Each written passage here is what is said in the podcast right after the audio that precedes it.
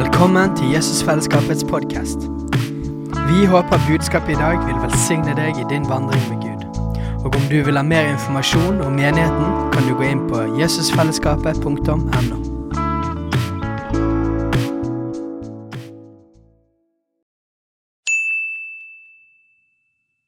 Hei! Visste du at Jesusfellesskapet starter en ny bibelskole til høsten?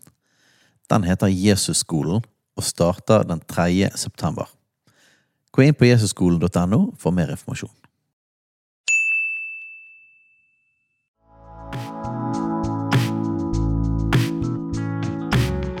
Velkommen til Jesusfellesskapets podkast. Vi håper budskapet i dag vil velsigne deg i din vandring med Gud. Og om du vil ha mer informasjon om menigheten, kan du gå inn på jesusfellesskapet.no.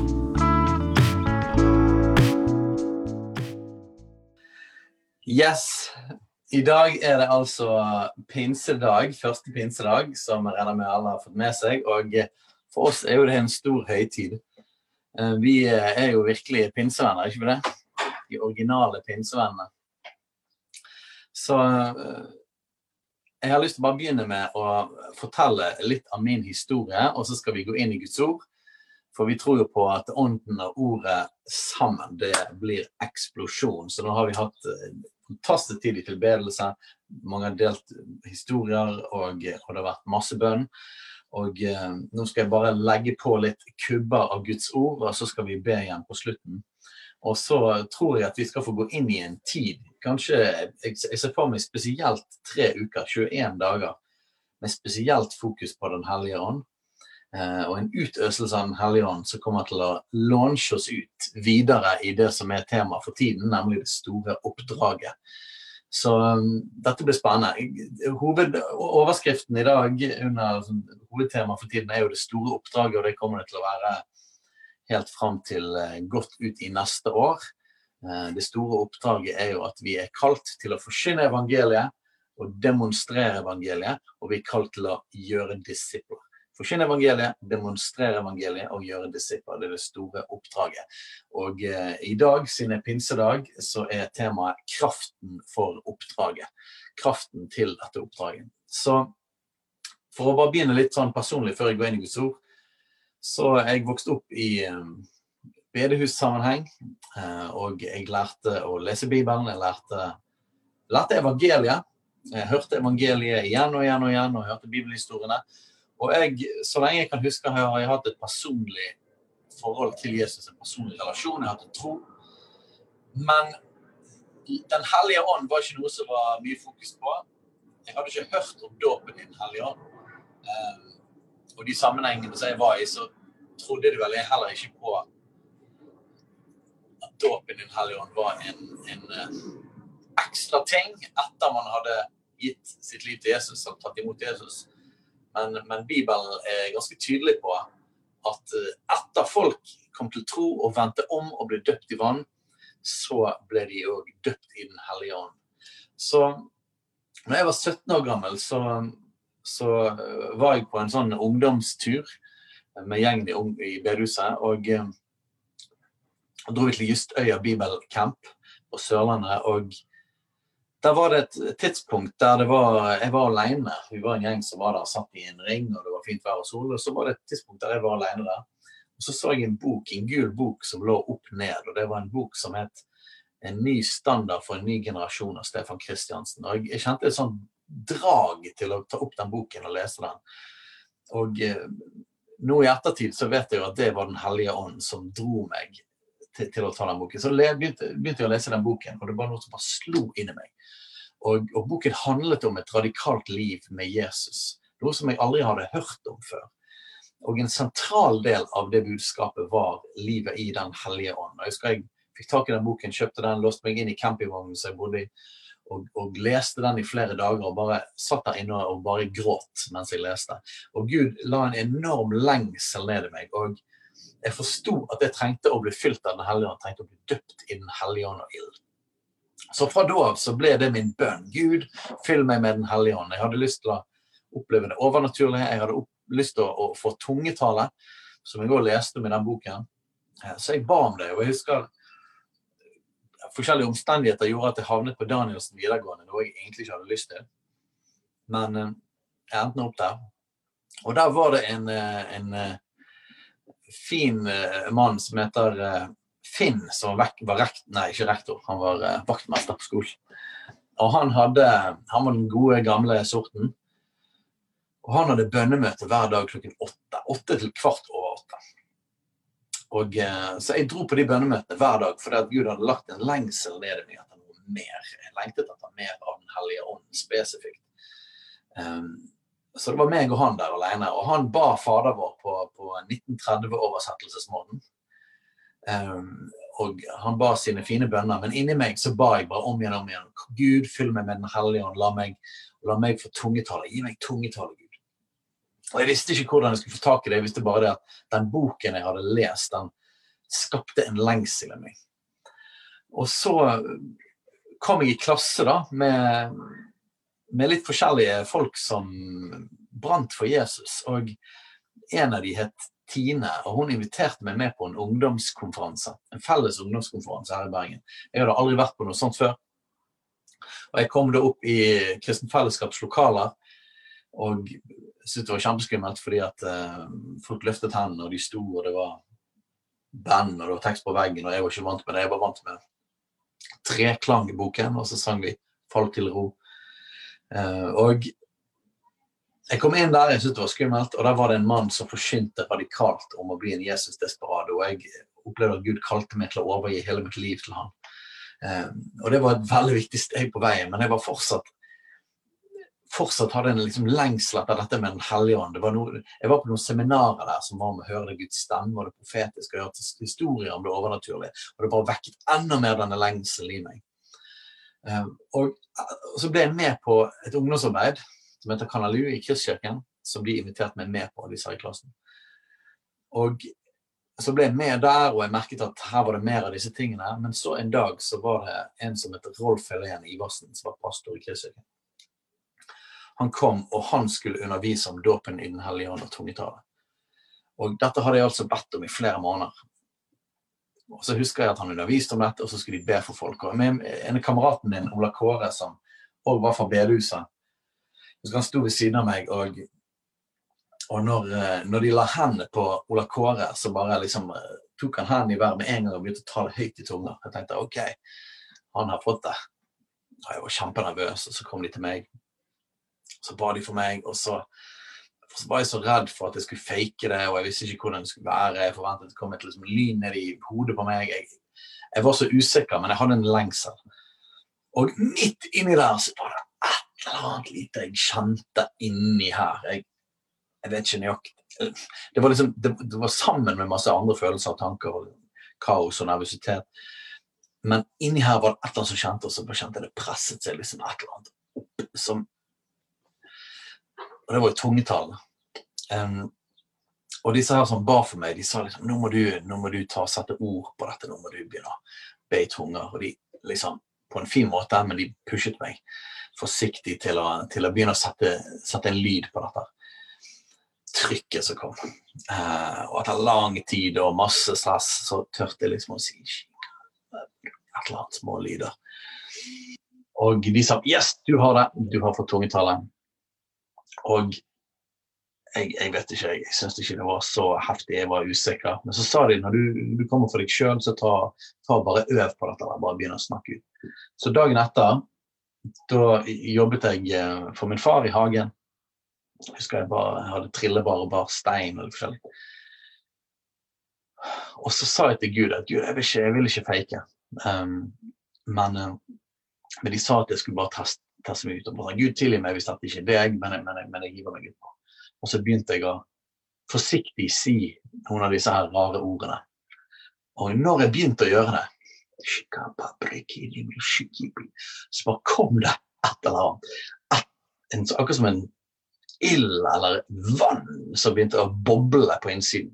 Og så bare ba jeg mer og mer i tunga.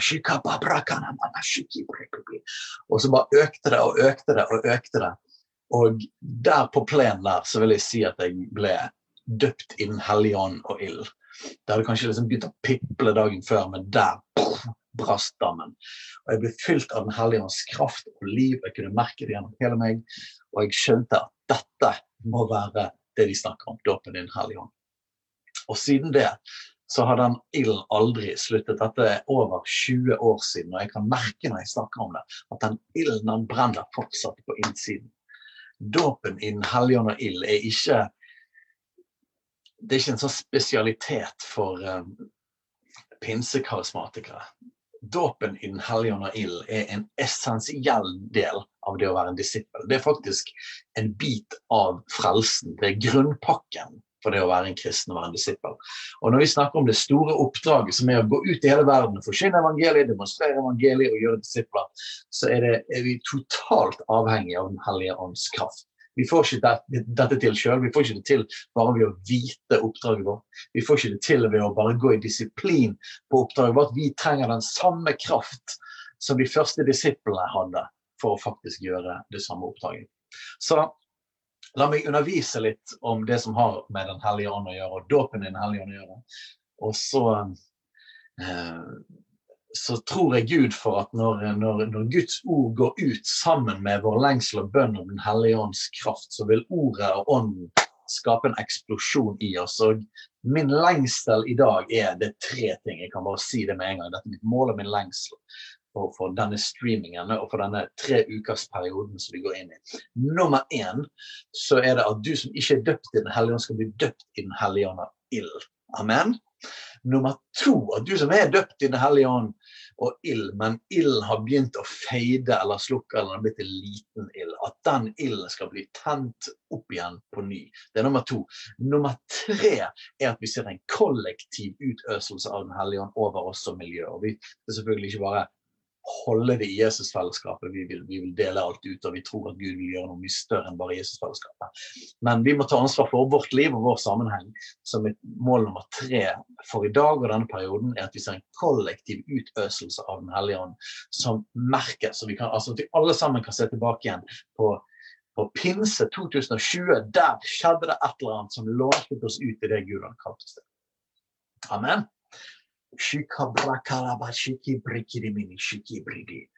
Eh, dette, denne streamen, dette møtet vi har i dag, det kan vi ikke love kommer til å holde seg innenfor de vanlige tidsrammene. For vi trenger rom til at Den hellige ånd eh, får, får, bli mer utøst. Så jeg, jeg, jeg Hør på, og åpne hjertet ditt, og la Den hellige ånd jobbe i deg. Eh, sånn at vi kan lage en landingsplass, et platå, sånn at vi kan posisjonere oss for det Den hellige ånd vil gjøre. Ok.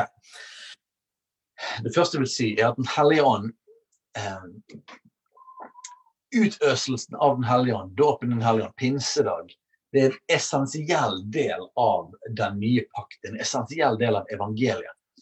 Profetene i Det gamle testamentet de profeterte om at Messias, Meshia, eller på gresk Kristus, Kristus, skulle komme og skulle bringe Guds rike. Messias, hva betyr det? Meshia, hva betyr det? Det betyr 'den salvede'. Kristus betyr akkurat det samme. Det er gresk for 'den salvede'. Salvet med hva da? Det betyr salvet med, smurt inn med, fylt av Den hellige ånd. Så Messias betyr 'den som var fylt og salvet med Den hellige ånd'. Og ikke bare var det Kristus som skulle komme og bringe Guds rike og skulle være salvet med Den hellige ånd. Men det skulle bli innledningen til en ny tid, en ny pakt. Og denne nye pakten, der skulle, der skulle folket bli satt i gang. Det skulle ikke lenger bare være presten og profeten og kongen som liksom kunne stå foran Gud. Men den nye pakt handler om at hele folket skulle kunne ha en direkte relasjon med Gud. Hele folket skulle komme inn gjennom forhenget, og derfor forhenget revnet. da Jesus sa det er fullbrakt. Den nye pakt handler om at det, det, nye, det prest, nye presteskapet, det allmenne presteskapet, at vi alle sammen er prester for Gud. Den nye pakt handler ikke bare om Kristus, Jesus, som er salvet med Den hellige ånd, men at pga. det Jesus gjorde på korset, hans død og oppstandelse, så ga det muligheten til at et helt folk kunne bli salvet. Det er derfor vi heter kristne. Kristen betyr ikke liten Jesus, som noen sier. Kristen betyr det samme som Kristus, bare i flertall.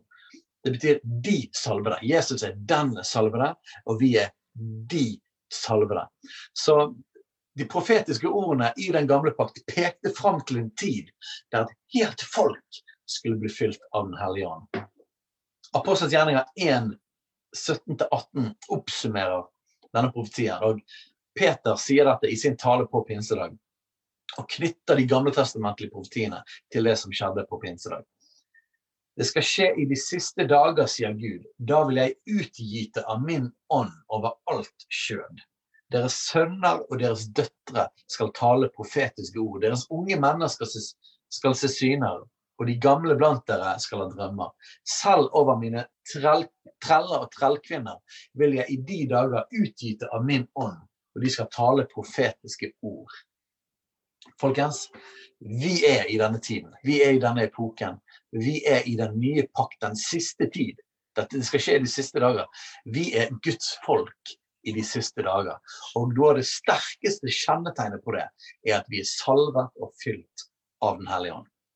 La vi bare tydeligere det, for det har vært teologiske debatter dette, om dette i Norge. og Bill Johnson og Bethel Church og vi har blitt anklaget for at vi underviser at um, når vi snakker om dette med at vi er de salvede, så, så, så mener de at vi mener at vi er like som Jesus.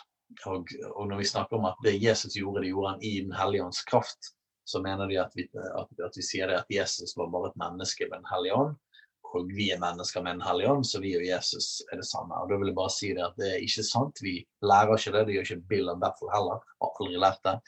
Jesus er Gud, har alltid vært Gud, kommer alltid til å være Gud. Han er Guds sønn. Han er den enbårne. Eh, men når han kom til jorden, så var han fortsatt 100% Gud, men så kledde han på seg òg å være et menneske.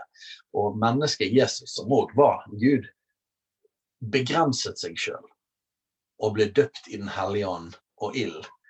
Og på samme måten som at Faderen sendte Jesus, så sa Jesus det at han sendte oss. Så det betyr at vi får den samme kraften som Jesus hadde. Men det betyr ikke det at vi blir Gud, og det betyr ikke det at Jesus bare var et menneske. Jesus var Gud, vi er mennesker. ok? Så vi bare avklart den teologien. Men på samme måte som Faderen sendte Jesus, så sendte Jesus oss.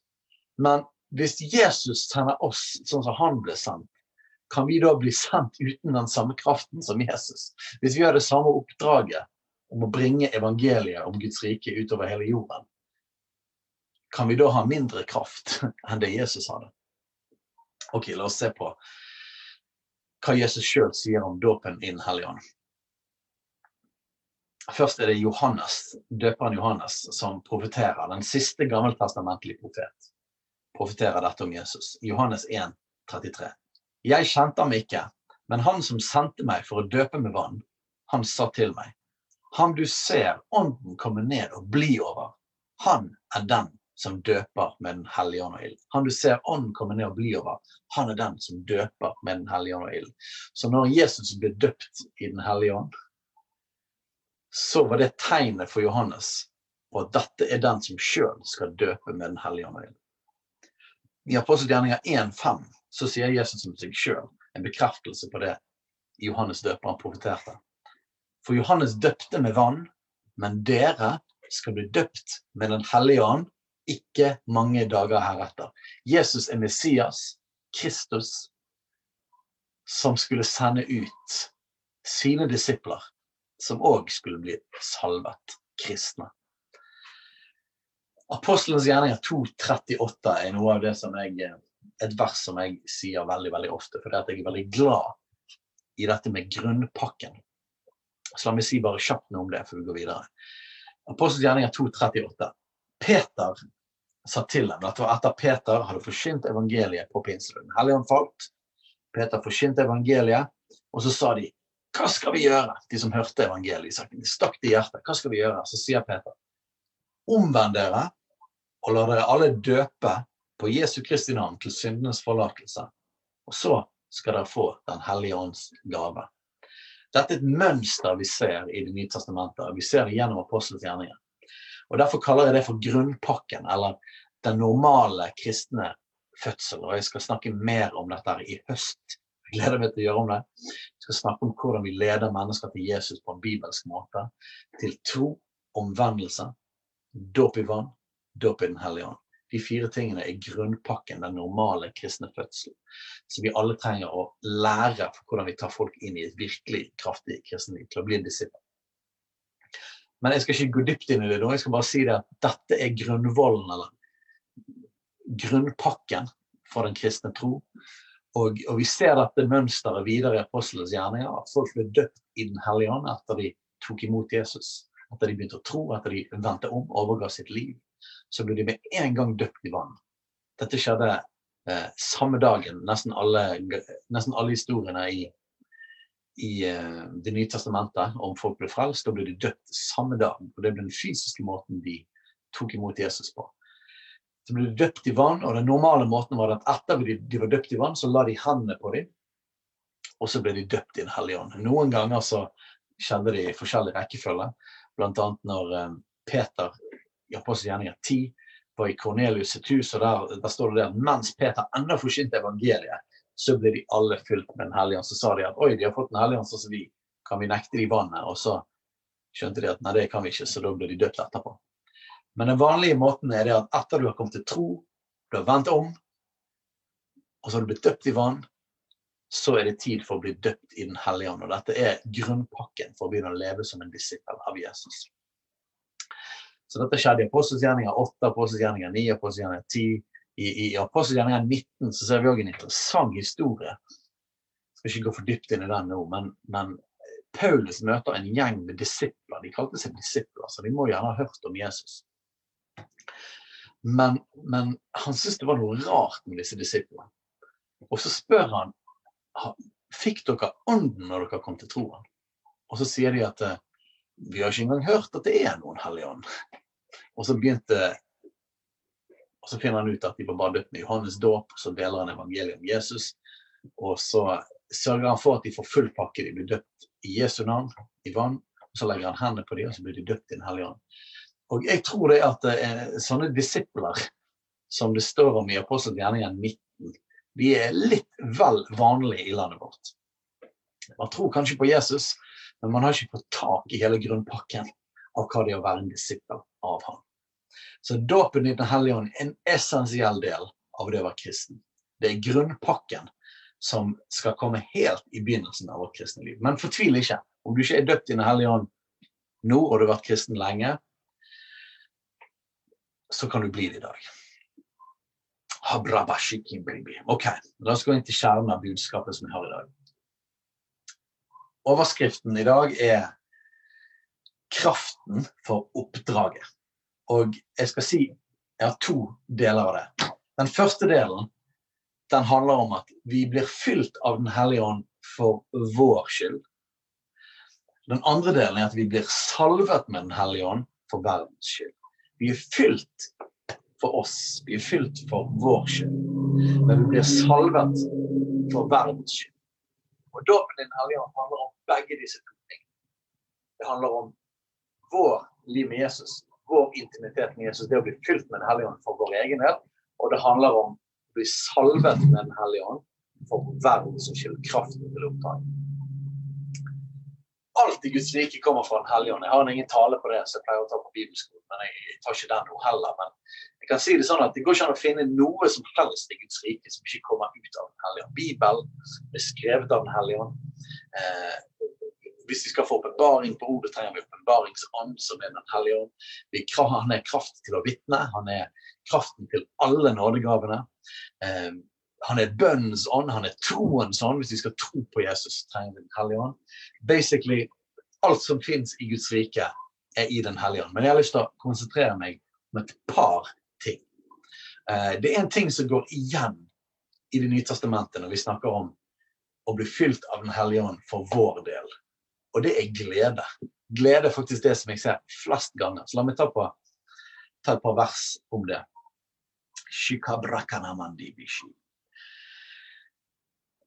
Romerne 14, 17. Der står det at Guds rike består jo ikke i mat og drikke, men i rettferdighet, fred og glede i Den hellige ånd.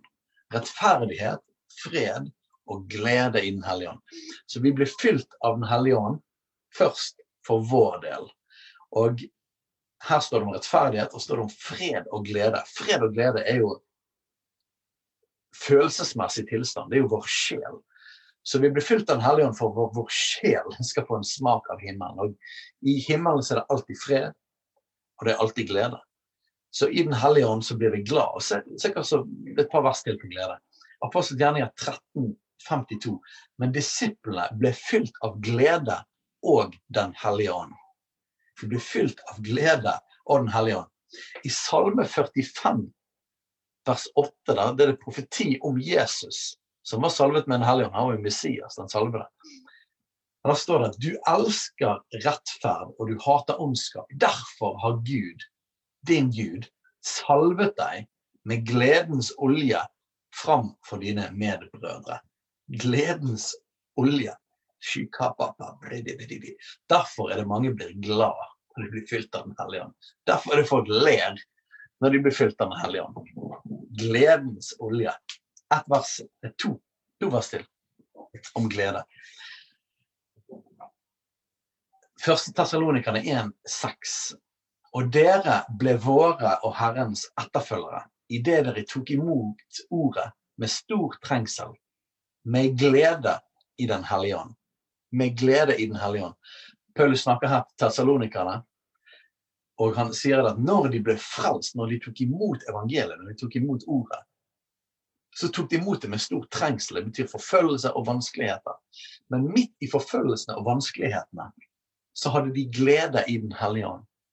Noe stor trengsel med glede i Den hellige ånd.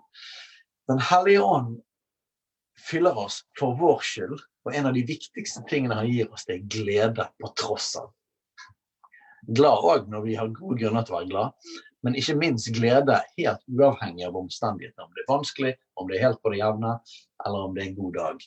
Den hellige ånd er til for at på innsiden av oss skal vi være fylt av glede. Derfor kan Paulus si i Filippa-brevet igjen og igjen og igjen gled dere igjen, sier jeg. Gled dere. Og dette skrev han mens han var i fengsel.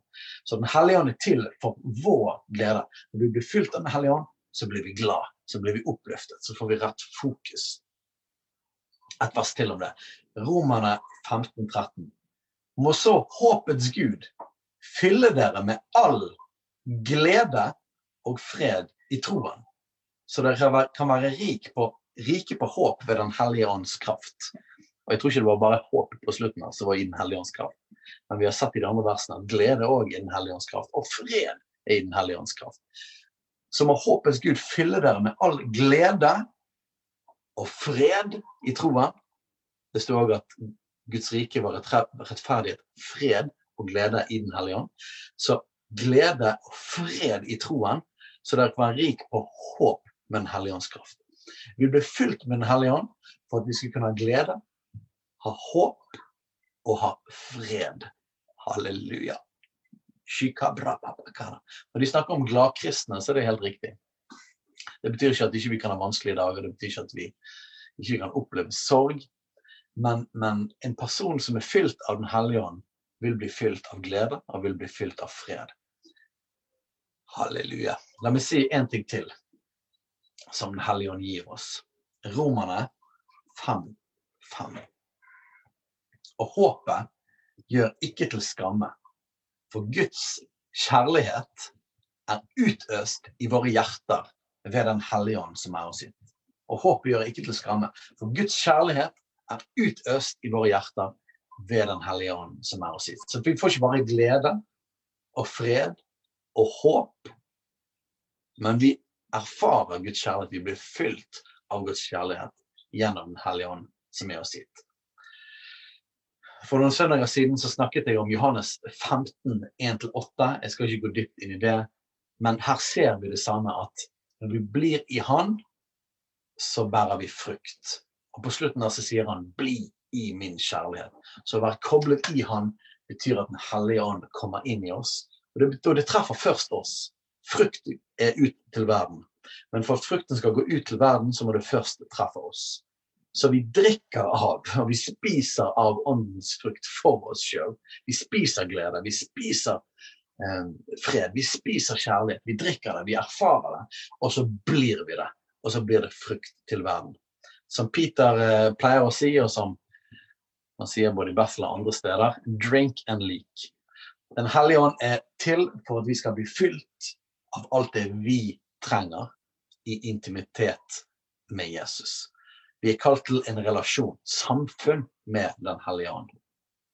Vi er fylt for oss, men vi er salvet for verden. Så la oss gå inn på det. Apostelens gjerninger 1,8. Dere kjenner dette verset veldig godt. Det er et hovedvers på denne dagen her. Men dere skal få kraft idet Den hellige ånd kommer over dere, og dere skal være mine vitner, både i Jerusalem og i hele Judea og i Samaria og like til jordens ende. Jeg må lese det om igjen. Men dere skal få kraft idet Den hellige ånd kommer over dere, og dere skal være mine vitner både i Jerusalem, Judea og Samaria og like til jordens ende. Dere skal få dynamis. Jeg liker det greske ordet for kraft. Det er dynamis, samme ordet som dynamo og dynamitt. Det er kraftfullt, heftig. Så vi blir fylt av Den hellige ånd for vår del, for fred, for glede, for kjærlighet, for håp. Men vi blir salvet med dynamis kraft for verdens skyld. Første uh, Apostelgjerninger 1,8 handler om at vi er salvet for verden, at vi har fått kraft for oppdraget. Oppdraget om å vinne verden, om å gjøre disipler, om å demonstrere evangeliet forkynne evangeliet, ikke ment at vi skal gjøre egen kraft. Og jeg syns det er fantastisk det, det Jesus sjøl sier seg sjøl. Vi må lese det òg. Jeg bare bombarderer dere med bibelvers som vanlig for at ordet kan treffe og blandes med Den hellige ånd og skape en eksplosjon på innsiden av deg. Jesaja 61, vers 1-6. Dette når, når, eh, Jesus sto fram i synagogen i Lukas 4, vers 18 og 19, så eh, leste han opp dette skriftstedet. Og så sa han at uh, dette er meg. Dette blir oppfylt nå. Men jeg skal lese det i Jesaja-versjonen. Herren, Herrens ånd, er over meg fordi Herren har salvet meg til å forkynne et godt budskap for de elendige. Han har sendt meg til å forbinde dem som har et sønderbrutt hjerte, til å utrope frihet for de fangne og frigjørelse for de bundne. Til å utrope et nådens år fra Herren og en hevnens dag fra vår Gud. Til å trøste alle de sørgende og til å gi de sørgende i Sion hodepryd istedenfor aske. Gledens olje, ser du hva den er? Gledens olje istedenfor sorg. Lovprisningsdrakt i stedet for en avmektig ånd. De skal kalles rettferdighetens terebinter, Herrens plantning til hans ære. De skal bygge opp igjen det som ble ødelagt fra eldgammel tid. De skal gjenreise det som har ligget øde fra de første slekter. De skal fornye ødelagte byer det som har ligget øde fra slekt til slekt. står det litt seinere der. Men dere skal kalles Herrens prester. Vår Guds tjenere skal de kalle dere. Folkenes gods skal dere ete, og deres herlighet skal gå over til dere. Å, det ligger så mye i dette. Men det som står her, det er at Den hellige ånd er kommet over oss og salvet oss for at vi skal sette mennesker i frihet for det som binder dem. En av de viktigste tingene som Jesus ber oss om å gjøre, er å kaste ut onde ånder. Han snakker om å forkynne evangeliet, helbrede de syke og kaste ut onde ånder. Så det er flere ting vi skal gjøre, men disse tingene er sentrale. Vi skal kaste ut onde ånder. Salvelsen kom over oss for at folk som er bundet, skal bli satt fri. Vi skal utrope et nådens år for Herren. Jeg liker spesielt den. En hevnens dag for vår Gud. Det er sånn, Hvor kommer hevn inn, inn, i bildet her? midt i her? Hevn er ikke over oss. Hevn er over fienden. Vi blir salvet med Den hellige ånd for at vi skal være Guds hevn over fienden, som har bundet og plaget mennesker. Er det noen som liker det? Er det noen som har lyst til det? Vi skal være Guds hevn over djevelen når vi setter mennesker fri fra demoner, setter mennesker fri fra undertrykkelse, setter folk fri fra forvirring, setter folk fri fra depresjon osv. Vi er Guds hevn over djevelen. Og vi skal få hodepryd istedenfor aske, gjenopprettelse av relasjon. Gledens olje istedenfor sorg. Lovprisningsdrakt i stedet for en avmektig ånd. Halleluja. La meg bare dundre på et par vers til. Apostelens gjerninger 10.38. Her er midt i talen til Peter. Gud her står det, og tale om at Gud salvet Jesus fra Nasaret med Den hellige ånd og kraft. Han som gikk omkring og gjorde vel og helbredet alle dem som var underkuet av djevelen, fordi Gud var med ham.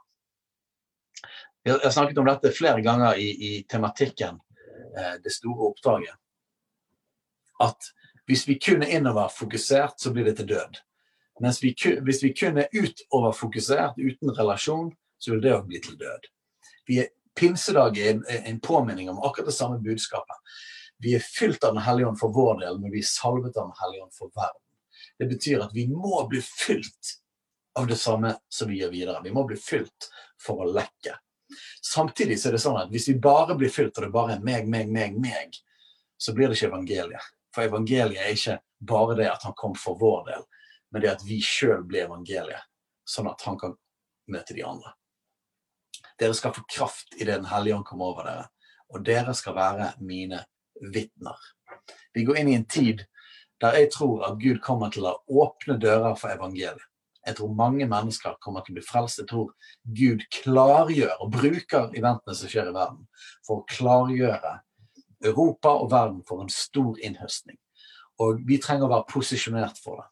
Og En av de beste måtene vi kan være posisjonert for innhøstning og gå inn i det store oppdraget, er å bli fylt av Den hellige ånd. Første Tessalonikerne 1,5. For vårt evangelium kom ikke til dere bare i ord, men også i kraft og i Den hellige ånd, og med full overbevisning. For vårt evangelium kom ikke bare til dere bare i ord. Vi kan ikke gå ut med bare ord. Men det kom også i kraft og i Den hellige ånd, med full overbevisning. Vi, er snart på slutten her. Jeg har bare lyst til å si, gi dere et par vers til på slutten.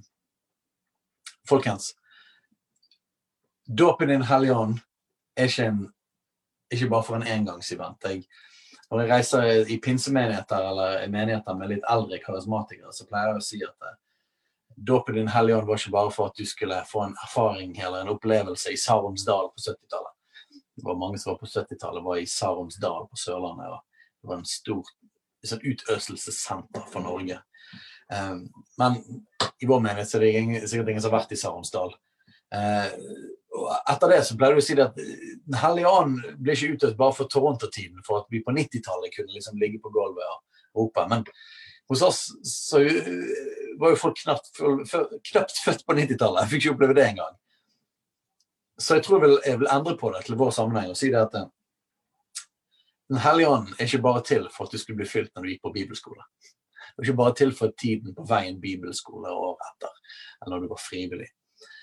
Den hellige ånd Vi blir døpt i Den hellige ånd for å leve et liv i Den hellige ånd.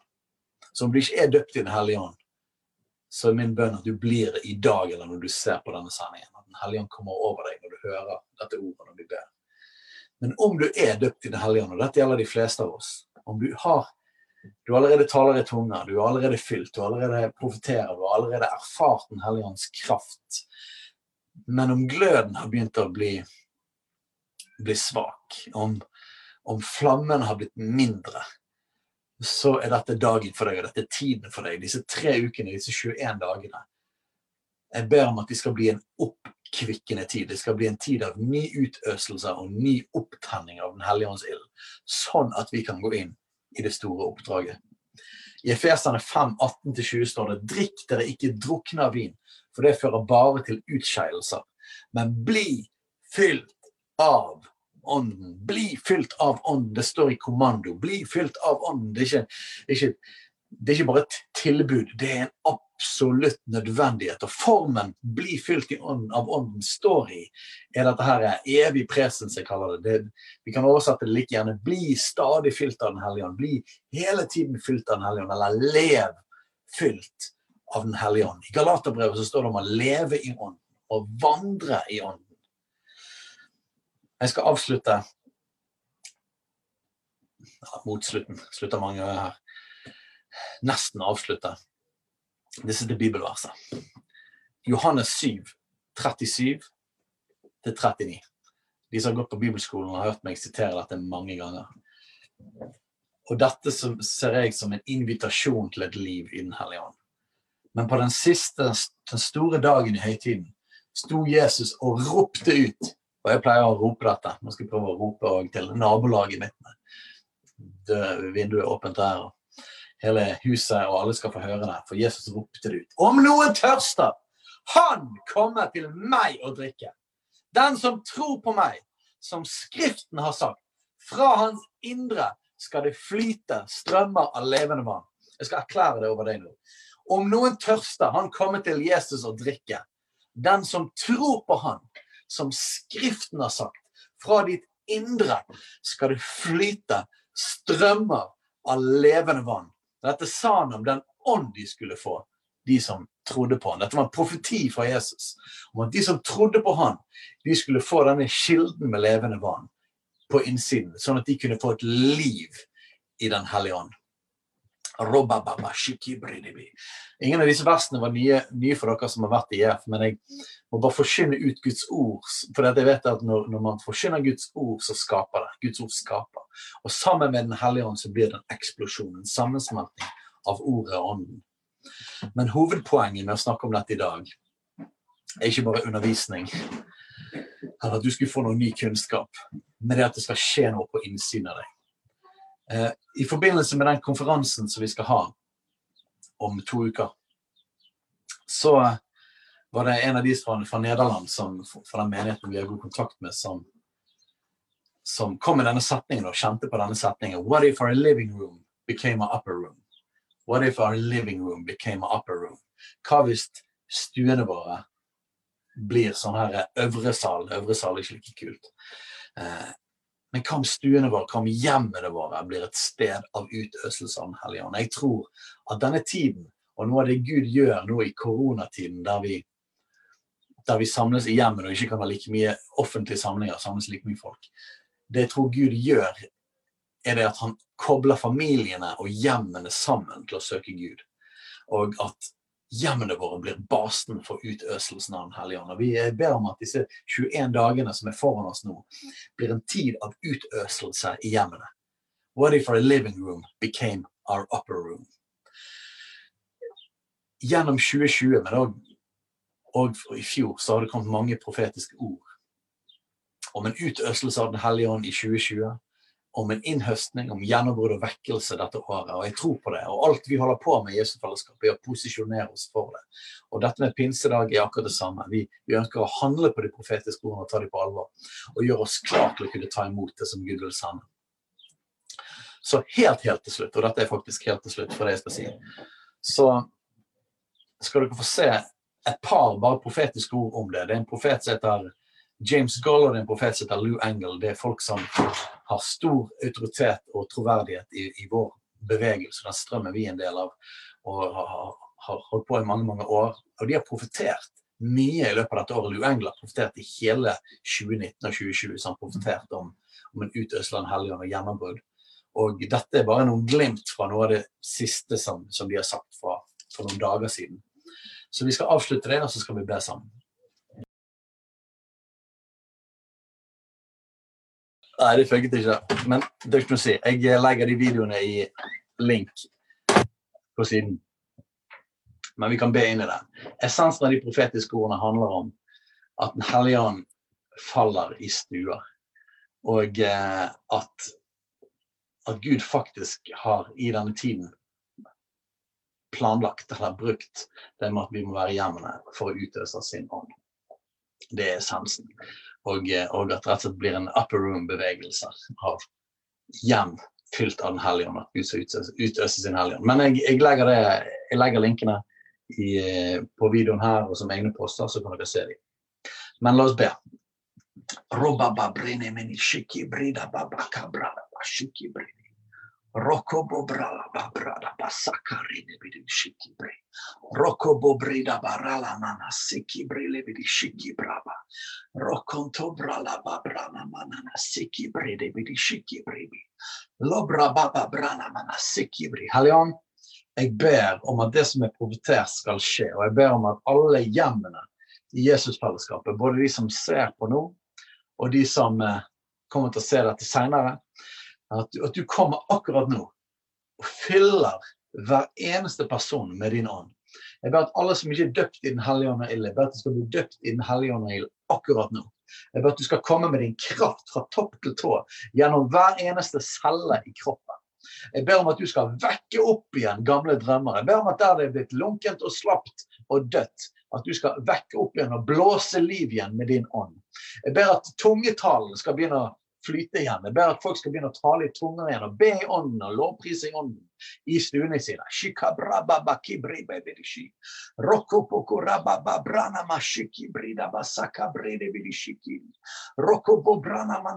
Bare oppfordrer deg, bare tør litt tunger nå, der du er, akkurat nå når du hører på sammen med meg.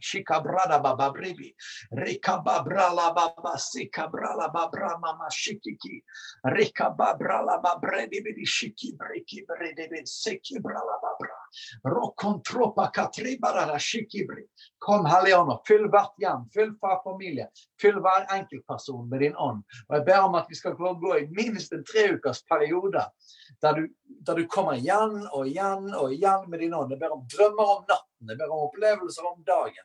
Jeg ber om at du skal vekke oss opp kollektivt som menighet, og at du skal komme med din dynamis og din kraft. I Jesu Kristi navn. Amen. Vi skal fortsette på dette temaet videre, men, men min drøm er at dette ikke bare blir noe vi snakker om på en livestream, men at dette blir noe som skjer i ditt liv. Amen. Hei alle sammen, det er Katrine og Steinar Lofnes her. Vi er hovedledere for Jesusfellesskapet. Så kjekt du har lyttet til denne podkasten. Har du forresten hørt noen av de andre podkastene våre? Ukens tale, Disippelskolen, Hyrdepodden, Kulturkrigen og Mammas hjerte. Du finner disse podkastene på Spotify, Apple Podkaster og på nettsiden vår jesusfellesskapet.no.